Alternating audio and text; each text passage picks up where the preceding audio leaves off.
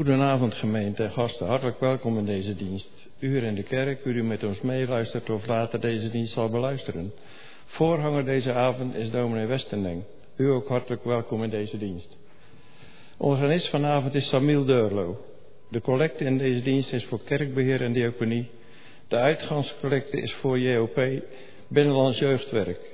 Vandaag collecteren voor het werk van JOP zodat JOP verrassende en uitdagende werkvormen zoals de paasuitdaging kan ontwikkelen om jongeren bij de kerk te betrekken. We bevelen deze 40 dagen collecte van harte bij u aan. En denkt u ook aan de collectebussen, de agenda. Dinsdag 16 april vesperdienst om 1900 uur. Donderdag 18 april Witte Donderdag om 1900 uur. Dominee Groot Kassijn zal deze eredienst leiden met de viering van het Heilige Avondmaal. Vrijdag 19 april, Goede Vrijdag, vesperdienst om 1900 uur.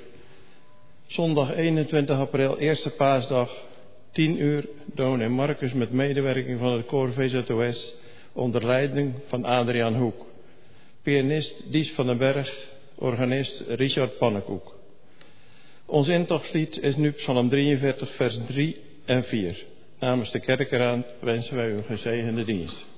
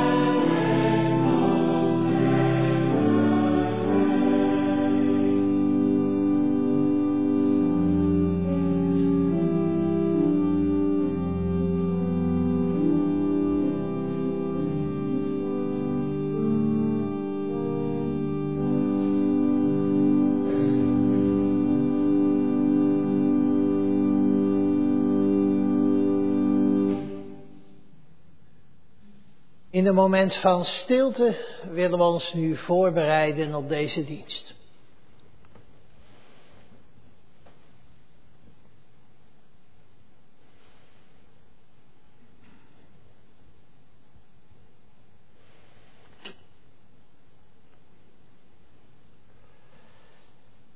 Ook vanavond beleiden we dat we onze hulp verwachten van de Heer onze God die de hemel en de aarde gemaakt heeft, die trouw is tot in eeuwigheid. en die nooit loslaat het werk van zijn handen. Genade en vrede zij u van God de Vader, die de wereld en ons leven draagt in de holte van zijn hand. Van God de Zoon, die dwars door de dood heen ons is trouw gebleven. En van God de Heilige Geest, die in ons woont en die ons leidt. Amen.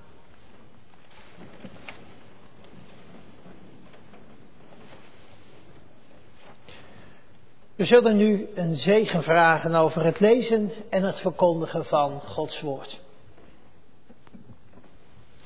Trouwe God en Vader, als wij uw woord lezen, dan verwachten wij daar wat van. En zeker als er bijzondere omstandigheden zijn, als er veel verdriet is, veel zorg om zieken, veel, ja, toch ook moeite om feesten te vieren, juist in een tijd als deze.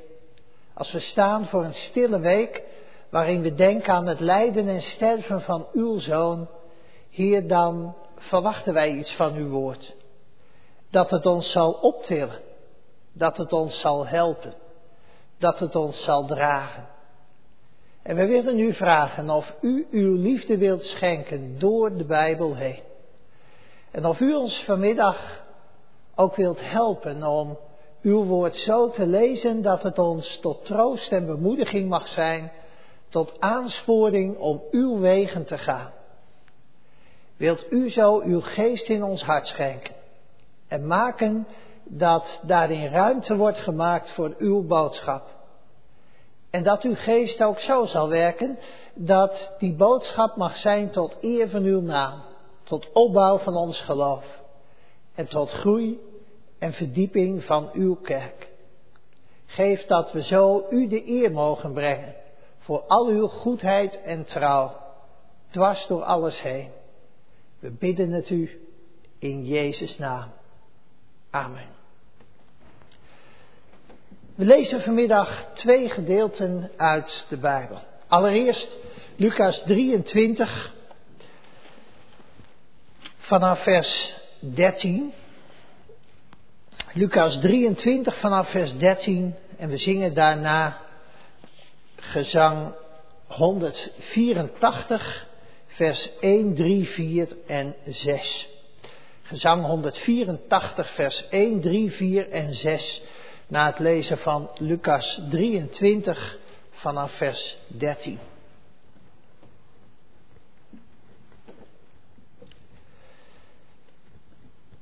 Pilatus riep de hoge priesters en de leiders van het volk bij zich. En zei tegen hen, u hebt die man voor mij gebracht als iemand die het volk van het rechte pad afbrengt. Maar u weet dat ik hem, toen ik hem in uw bijzijn verhoorde, aan geen van de zaken waarvan u hem beticht, schuldig heb bevonden. En Herodes evenmin, hij heeft hem immers naar ons teruggestuurd. Jezus heeft niets gedaan waarop de doodstraf staat. Dus zal ik hem vrijlaten nadat ik hem heb laten geestelen. Maar ze begonnen met z'n allen luidkeels te schreeuwen, weg met hem, laat Barabbas vrij.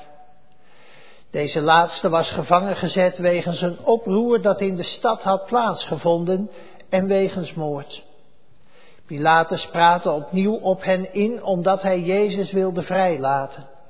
Maar ze schreeuwden het uit, kruisig hem, kruisig hem. Voor de derde maal zei hij tegen hen, wat voor kwaad heeft die man dan gedaan? Ik heb niets gevonden waarvoor hij de doodstraf verdient, dus zal ik hem vrijlaten nadat ik hem heb laten geestelen. Maar ze bleven luidkeels eisen dat hij gekruisigd zou worden. En met hun geschreeuw wonnen ze het pleit. Pilatus besloot hun eis in te willigen.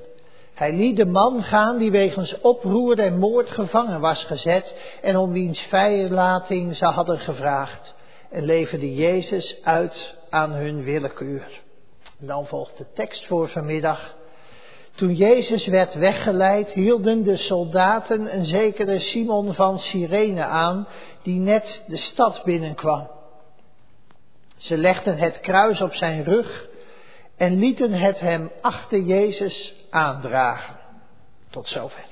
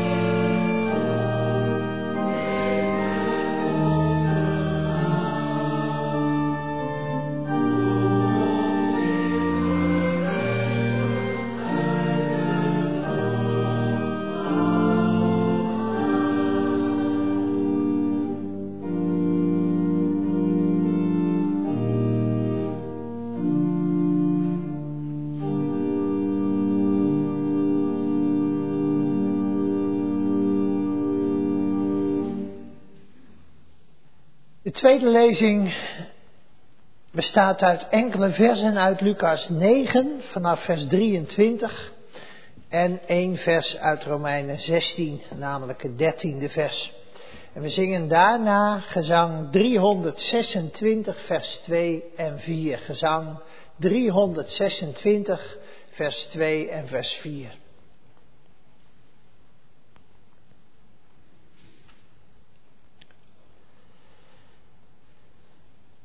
Toen ik de preek over Simon van Sirene zat te maken, toen moest ik denken aan dit Bijbelgedeelte. Lucas 9 vanaf vers 23. Tegen allen zei Jezus, wie achter mij aan wil komen, moet zichzelf verloochenen en dagelijks zijn kruis op zich nemen en mij volgen. Want een ieder die zijn leven wil behouden, zal het verliezen. Maar wie zijn leven verliest omwille van mij, zal het behouden. Want wat heeft een mens eraan als hij de hele wereld wint, maar zichzelf verliest of schade toebrengt?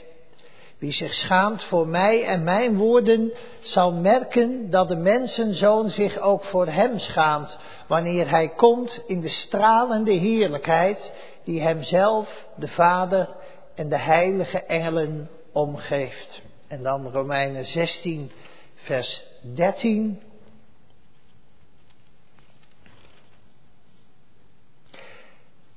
Daar staat dit. Goed Rufus, die door de Heere is uitgekozen, en zijn moeder, die ook voor mij als een moeder is. Tot zover.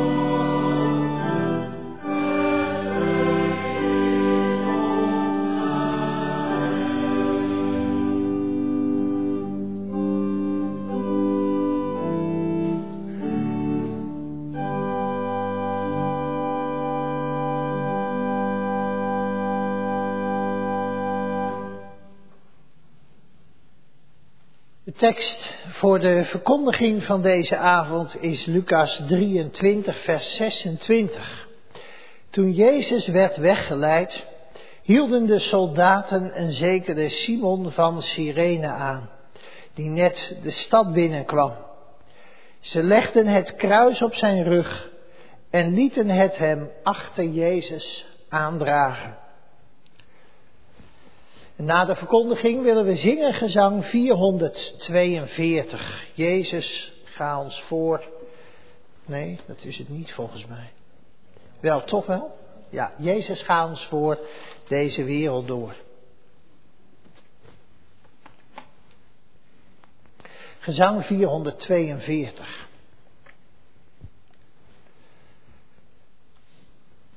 Gemeente van onze Heer Jezus Christus. Het lijkt een niet-zeggende gebeurtenis daar op weg naar Golgotha. Jezus loopt met de dwarsbalk van het kruis achter zijn hoofd langs op beide schouders. Dus zo, daarop vastgebonden. En dat was niet zonder reden dat een gekruisigde zomer de dwarsbalk liep. Het was dus niet zo dat hij het hele kruis meedroeg. Nee, het was alleen de dwarsbalk. En die dwarsbalk werd dan op de palen die altijd al op Golgotha stonden, door middel van een pen-gatverbinding vastgemaakt. Het kruis zag er dus ook niet zo uit, maar het was een T-kruis. Dat is allemaal onderzocht, hoe dat daar op Golgotha zat. En de gekruisigde, die moest dus die dwarsbalk zelf dragen. En u snapt al wel dat als je dus met je handen over die balk heen liep en je viel dan voorover, dat dat grote schade aan het gezicht opleverde. En meerdere mensen die werden gekruisigd, kwamen dan ook met een gebroken kaak of een gebroken neus op Golgotha aan. Maar er was één gouden regel voor de Romeinse soldaten en dat was dat een kruiseling wel levend op Golgotha moest aankomen. Want hij moest nog wel kunnen worden gekruisigd. En je kunt je dus voorstellen dat de Romeinse soldaten bij Jezus, die verzwakt was door de inspannende dagen en door de geesteling, dat ze hem als het ware hebben gespaard en Simon van Cyrene eruit hebben gepikt om die dwarsbalk te dragen. En hij mocht dat dan op zijn rug doen. Niet zoals een kruiseling dat moest doen. Die soldaten die moesten gewoon hun werk doen. En waarom ze Simon hebben uitgekozen, dat weten we niet. Staat alleen maar in de Bijbel dat hij net de stad binnenkwam. Wij weten het niet waarom dat was. Misschien heeft hij enig mededogen getoond. Misschien ook kwam hij gewoon aanlopen en was hij een toevallige passant.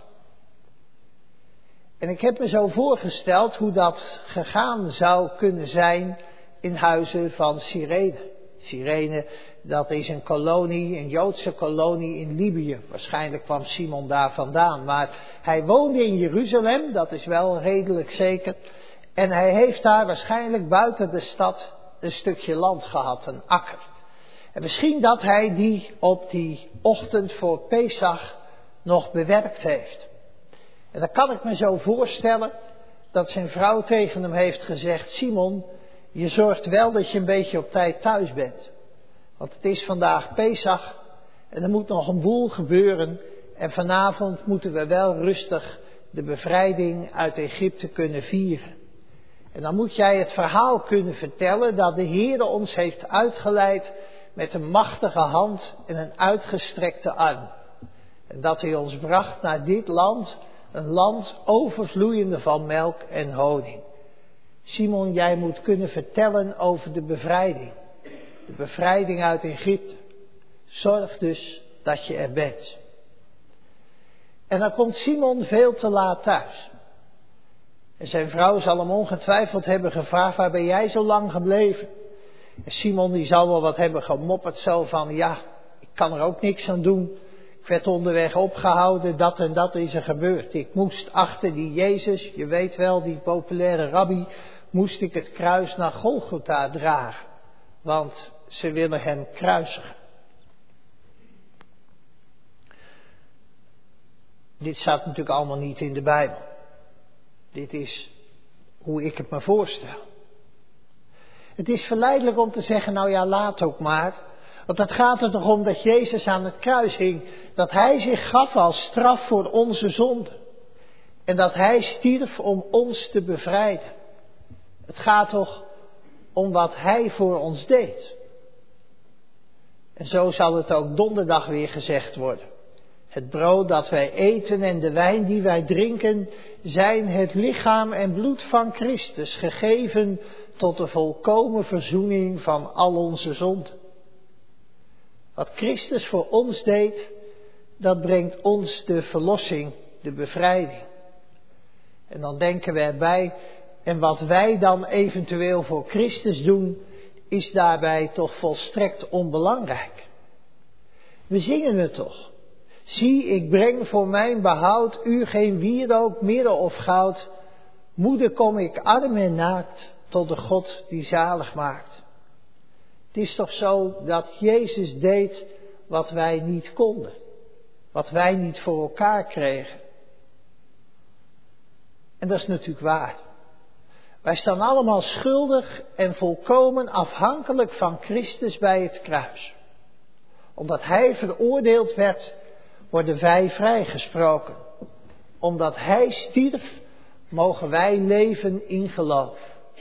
Hij is ons voorgegaan naar de tijd van de heerlijkheid. Wij mogen leven in geloof, omdat Hij stierf. Ja, maar wel in geloof. Verzoening, dat is geen actie die je overkomt, maar waarin je zelf volkomen betrokken bent. Het initiatief ligt bij God. Hij gaf zijn zoon aan deze wereld. Maar dat roept wel om een antwoord. Lucas die beschrijft dat eerder in zijn evangelie, dat Jezus zegt, wie achter mij aan wil komen, moet zichzelf verloochenen en dagelijks zijn kruis op zich nemen en mij volgen. En hij zegt dat tegen zijn volgelingen. Dus niet tegen ongelovigen. Hij zegt dat tegen zijn volgelingen, tegen de mensen die hem ontmoet hebben en met hem meelopen. Soms dagen, weken lang. Vertaald naar onze tijd zou je kunnen zeggen, Jezus spreekt hier tot de mensen die naar de kerk gaan. Mensen die gehoord hebben wie Jezus is. Die weten dat ze volkomen van de Messias afhankelijk zijn. Wil je echt een leerling van mij zijn? Een navolger? Dat is wat Jezus eigenlijk vraagt. Dan moet je je kruis op je nemen en achter mij aangaan. De Heer navolgen, dat is iets anders dan meelopen met de rest. Ik las ergens in een commentaar waarin dat werd uitgelegd. Een meeloper is gericht op de mensen om hem heen. En een navolger is gericht op Jezus. Een meeloper verandert dus als zijn omgeving verandert. Als de mensen om hem heen een andere kant gaan uitlopen, dan doet hij dat ook. Maar een volgeling, die kijkt naar degene die voorop loopt.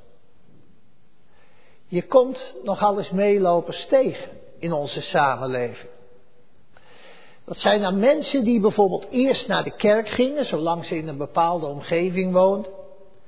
Want, ja, waarom deden ze dat? Nou, dan hoor je erbij. Dan krijg je geen ruzie thuis en noem maar op. Maar dan verhuizen ze bijvoorbeeld naar de nieuwbouwwijk waar vrijwel niemand naar de kerk gaat. En dan passen ze zich moeiteloos aan aan dat nieuwe patroon. Weer uit eigen belang. En dan denk je, ja, waren ze dan wel werkelijk geïnteresseerd in Christus? En wilden ze dan Christus niet de eerste plaats geven? Dat is best wel ingewikkeld hoor, overigens. Ik heb eens in zo'n nieuwbouwwijk meegemaakt in een gemeente waarin ik stond. En dan merk je dat er allerlei nieuwe en vaak jonge gezinnen komen wonen die van elkaars bestaan eigenlijk niet eens afweten. En dan kom je bij zo'n gezin op kennismakingsbezoek bij zo'n jong stel, die net getrouwd zijn. En die zeggen dan, ja, toen we thuis waren, toen was het makkelijk. Toen gingen we gewoon mee naar de kerk. Want ja, hè, een van onze ouders was er altijd wel bij. En dan gingen we gewoon gezellig samen naar de kerk. Maar ja, nu, nu moet de wekker gaan. En die moeten we zelf zetten. Om op tijd in de kerk te zijn. En dan zie je om je heen eigenlijk maar heel weinig mensen die naar de kerk gaan. En dat is best ingewikkeld. En toen heb ik zo'n jong stel erop gewezen, maar kennen jullie je buren? Oh ja, dat zijn wel geschikte lui, zeiden ze. Nou, ik zeg, die zijn ook lid van onze gemeente. En die hebben mij ongeveer hetzelfde verhaal verteld. Dat ze het best ingewikkeld vonden. Ik zeg, waarom komen jullie niet met z'n vieren naar de kerk? Help elkaar, stimuleer elkaar. En zo kun je elkaar helpen om volgeling van Jezus te zijn. En niet alleen maar meelopen. Soms helpt het als je in een groep meeloopt. Je voelt je gesteund, je voelt je bemoedigd. Maar het gaat uiteindelijk om degene die voorop loopt. In het avondmaal gedenken we dat Jezus zijn kruis op zich nam. Hij was daarin gehoorzaam aan zijn hemelse vader. En zo was dat op weg naar Golgotha ook. Hij was gehoorzaam een leven lang, iedere dag. En dat was best moeilijk. Dat kostte Jezus innerlijke strijd. Hij zag op tegen de negatieve reacties in zijn omgeving, spot en verwerping, de pijn en het lijden. En toch nam Jezus zijn kruis op zich. En waarom? Nou zegt Lucas, om de heerlijkheid die voor hem lag. Dat dragen van het kruis, dat was geen doel in zichzelf. Het was de weg die Jezus moest gaan om uit te komen bij de opstanding, de verlossing en de verheerlijking. Het was de weg die hij moest gaan om redding en verlossing te brengen. En Jezus onderwierp zich vrijwillig aan die weg die zijn vader hem wees. Hij bad in de hof van Gethsemane, niet mijn wil geschieden, Heer, maar de uwe.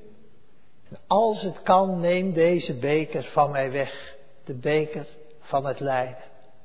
Jezus zag er tegenop, hij had er moeite mee, hij zou het liever niet doen, maar hij wist dat zijn vader het vroeg en dan deed hij het ook.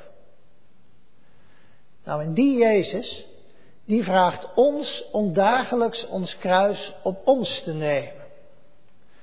Nee, hij dwingt ons niet, zoals de soldaten Simon van Cyrene. Hij roept ons. Hij vraagt het ons in Gods naam. Maar wij kunnen ook nee zeggen, zonder zichtbare gevolgen. En misschien geven velen ons nog groot gelijk ook.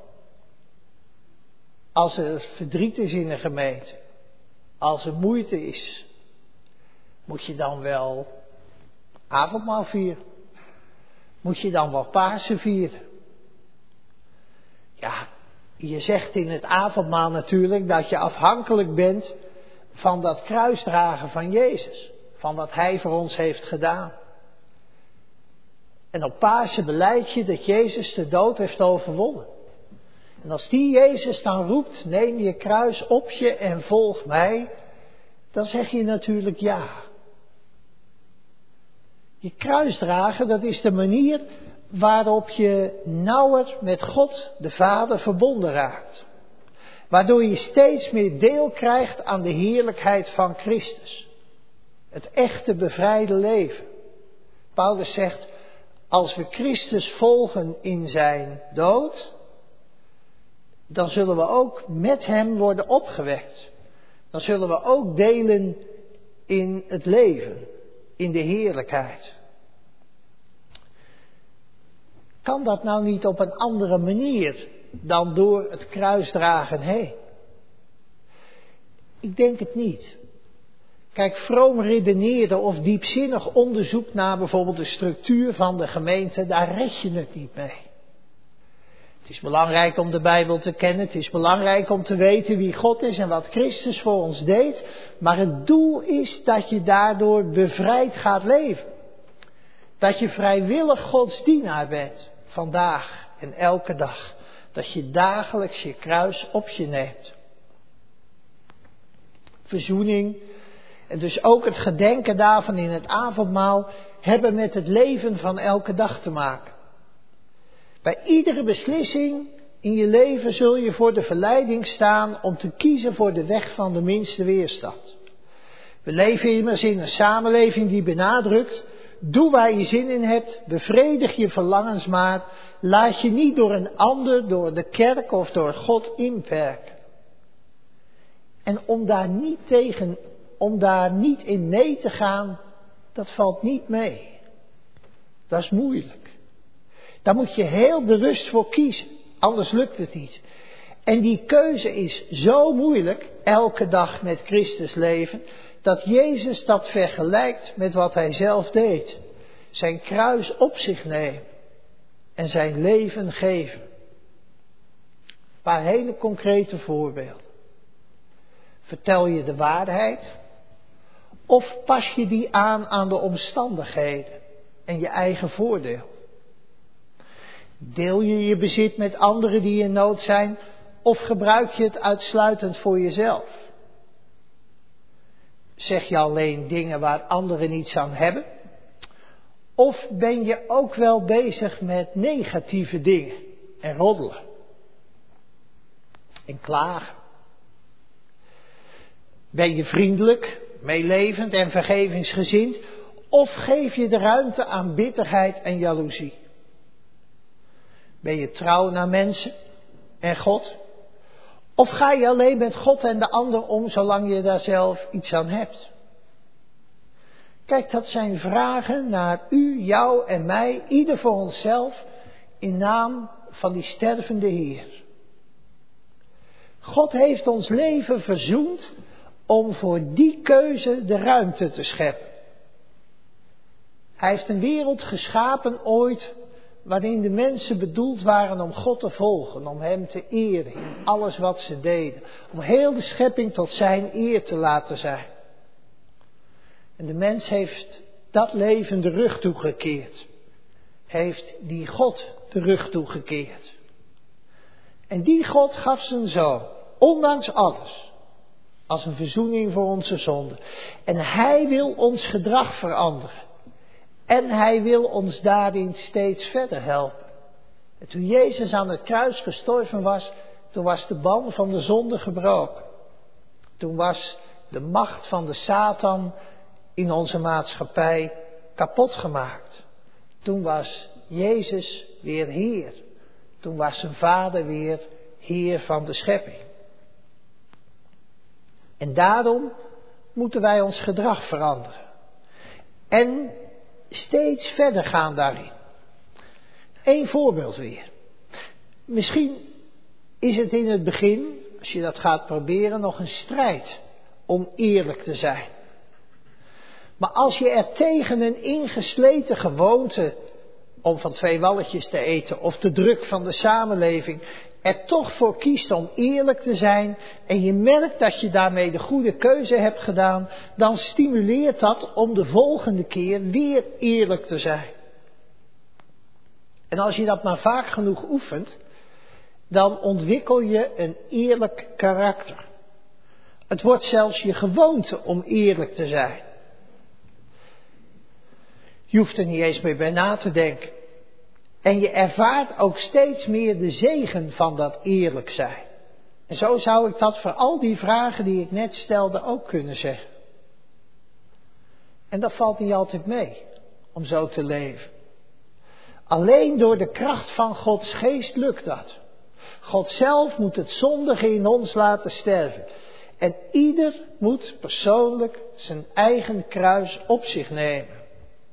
Je kunt het kruis van een ander namelijk niet bepalen.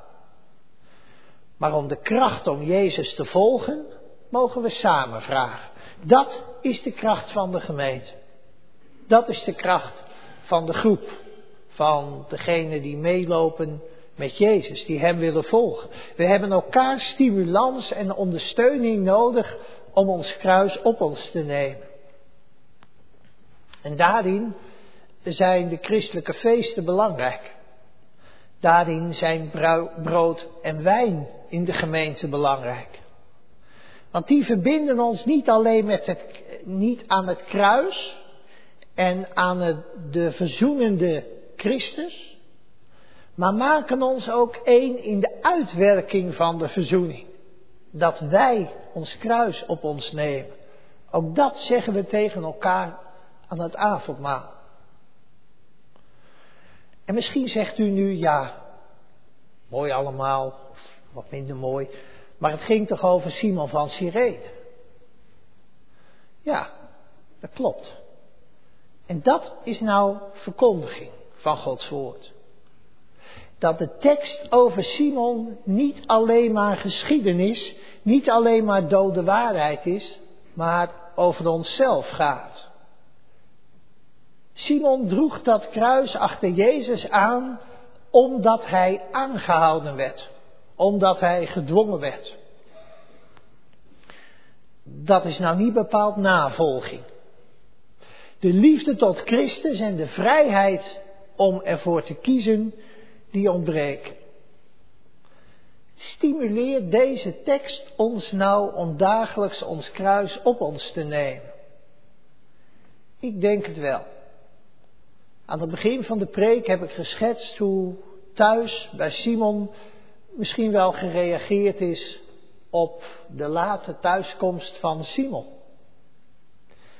Marcus vermeldt in zijn evangelie dat Simon de vader was van Alexander en Rufus. Twee mannen die blijkbaar in de christelijke gemeente in Rome, aan wie Marcus zijn evangelie schrijft, bekend waren. En dat blijkt ook wel, want in Romeinen 16, vers 13, we hebben het gelezen, schrijft Paulus, groet Rufus, die door de Heer is uitgekozen, en zijn moeder, die ook voor mij als een moeder is. Blijkbaar heeft dat gedwongen dragen van die kruisbalk van Christus kruis iets uitgewerkt bij Simon, bij zijn gezin. Namelijk geloof, navolging, dienstbaarheid aan Gods koninkrijk. En weet u, dat vind ik hoopvol. Als ik regelmatig van ouders hoor dat hun kinderen niet meer naar de kerk gaan door onverschilligheid, misschien ook wel door een slecht voorbeeld van anderen of wat dan ook. Ik vind dat kruisdragen van Simon van Sirene hoopvol met het oog op de toekomst van de kerk. Een vader die gedwongen wordt en zo gegrepen wordt door God. Zou Simon misschien nog naar Golgotha zijn teruggegaan en daar gezien hebben wat er gebeurde? Die drie uren duisternis, de woorden van Jezus hebben gehoord. Zou hij erover hebben nagedacht toen Jezus was opgestaan en hij hoorde dat dit het einde niet was? Zou hij daarop hebben gereageerd en gedacht hebben, wat is het een wonder dat ik die kruisbalk heb gedragen. Ik was er niet blij mee. Maar ik heb er veel door ontvangen.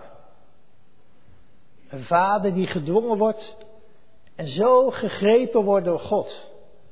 En dan later een vrouw en zonen die er in volle vrijheid voor kiezen. Ze worden evangelist. En de vrouw van Simon wordt een moeder voor de grote apostel Paulus. Dat is toch een godsgeschenk. En dat is nou echt verkondigen van de dood van Christus. Wat wij donderdag ervaren in brood en wijn. Dat is het diepste geheim van het sacrament. Dat wij in alles wat we doen, in alles wat we meemaken, ook de moeite waardoor we heen moeten gaan.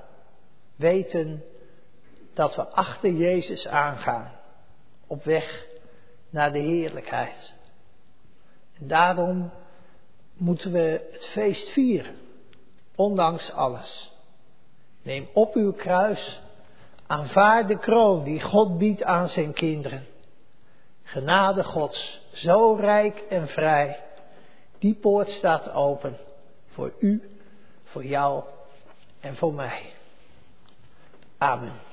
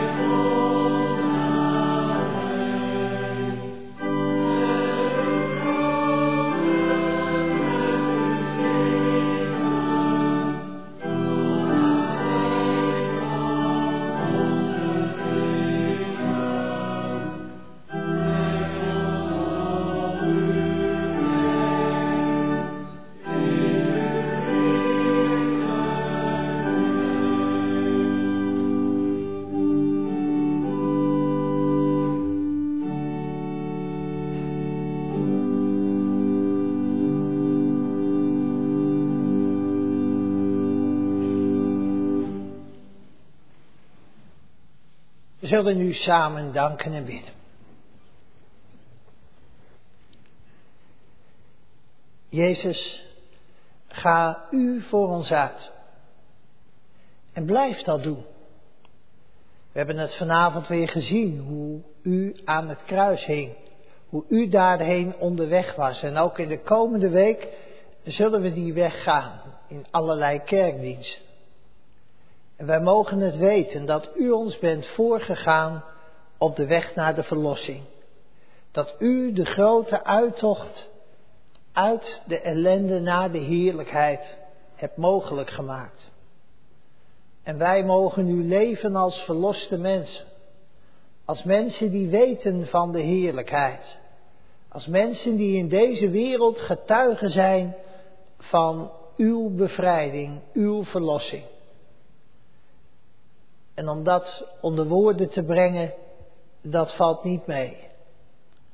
Want soms dan is het voor ons moeilijk om die oude mens, die onverloste mens in onszelf weg te dringen.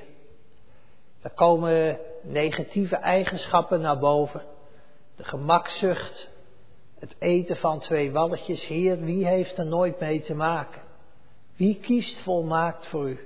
Niemand. Maar we mogen weten dat u ons blijft voorgaan en dat u ons bij de hand vat en zegt, volg mij maar, dan komt het goed.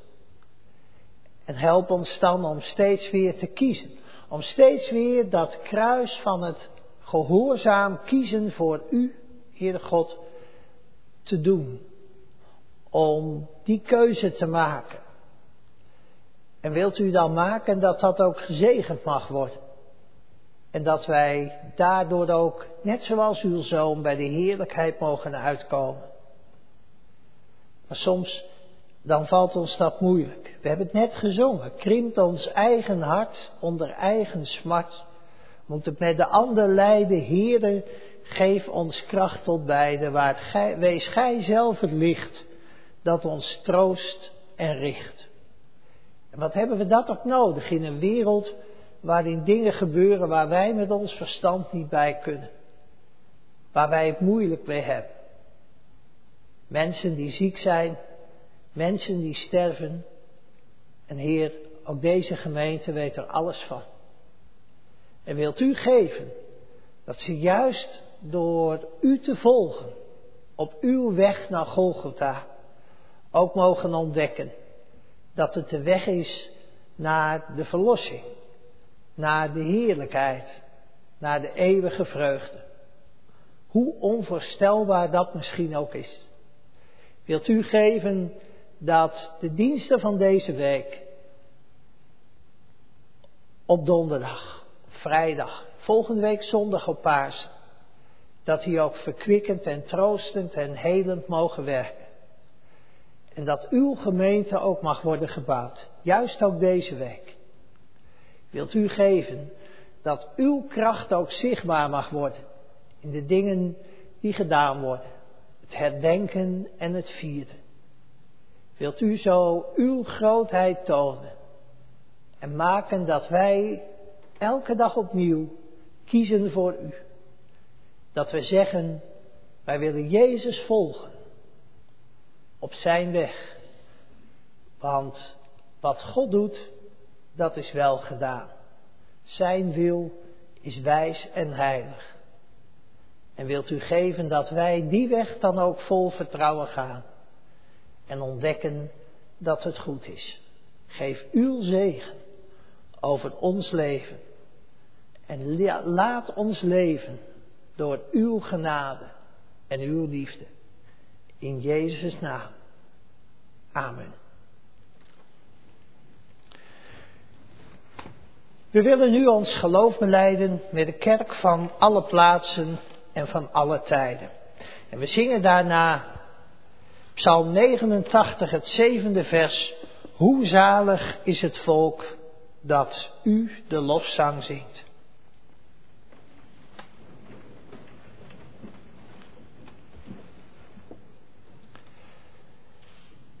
Met heel Gods kerk spreken we in ons hart. Wij geloven in één God, de Almachtige Vader, Schepper van hemel en aarde. Schepper van alle zichtbare en alle onzichtbare dingen. We geloven in één Heer Jezus, de enige geboren Zoon van God. Geboren uit de Vader voor alle tijden, God uit God, licht uit licht, waarachtig God uit waarachtig God, geboren, niet geschapen, die één van wezen is met de Vader en door wie alles is geworden. Die om ons mensen en ons behoud is neergedaald uit de hemel, die is vlees geworden door de Heilige Geest uit de Maagd Maria. Die is mens geworden, die ook voor ons is gekruisigd onder Pontius Pilatus, geleden heeft en begraven is, en op de derde dag is opgestaan volgens de schriften, is opgevaren naar de hemel en zit aan de rechterhand van de Vader, en zal weerkomen in heerlijkheid om te oordelen de levenden en de doden. Aan zijn rijk zal geen einde komen. En we geloven in de Heilige Geest die Heere is en levend maakt. Die uitgaat van de Vader en de Zoon. Die samen met de Vader en de Zoon aanbeden en verheerlijkt wordt. Die gesproken heeft door de profeten. En we beleiden één heilige, katholieke en apostolische kerk. We beleiden één doop tot vergeving van de zonden. En we verwachten de opstanding van de doden. En het leven in de wereld die komt. Amen.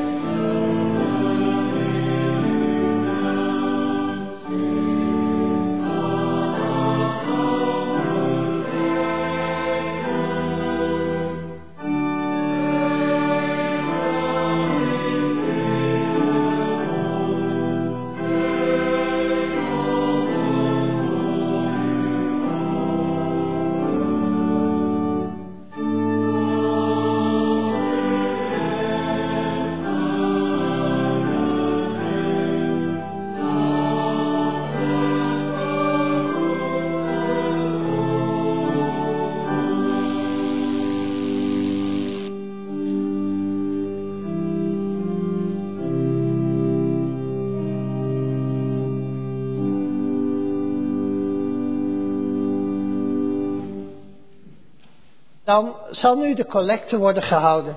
Daarna zingen we ons slotlied, gezang 192, vers 1, 4, 5 en 6.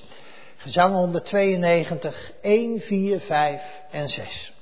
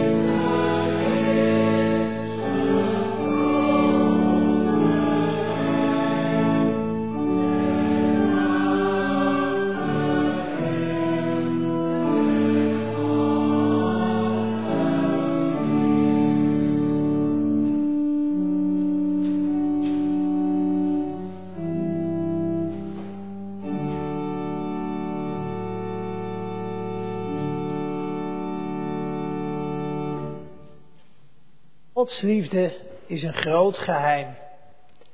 Het vraagt geheel ons hart en onze ziel. Laten we zo deze week ingaan op weg naar Pasen, gedragen en getroost door de zegen van onze God. De Heerde zegene u en behoede u. De Heere doet zijn aangezicht over u lichten en zij u genadig. De Heere verheffen zijn aangezicht over u en geven u zijn vrede.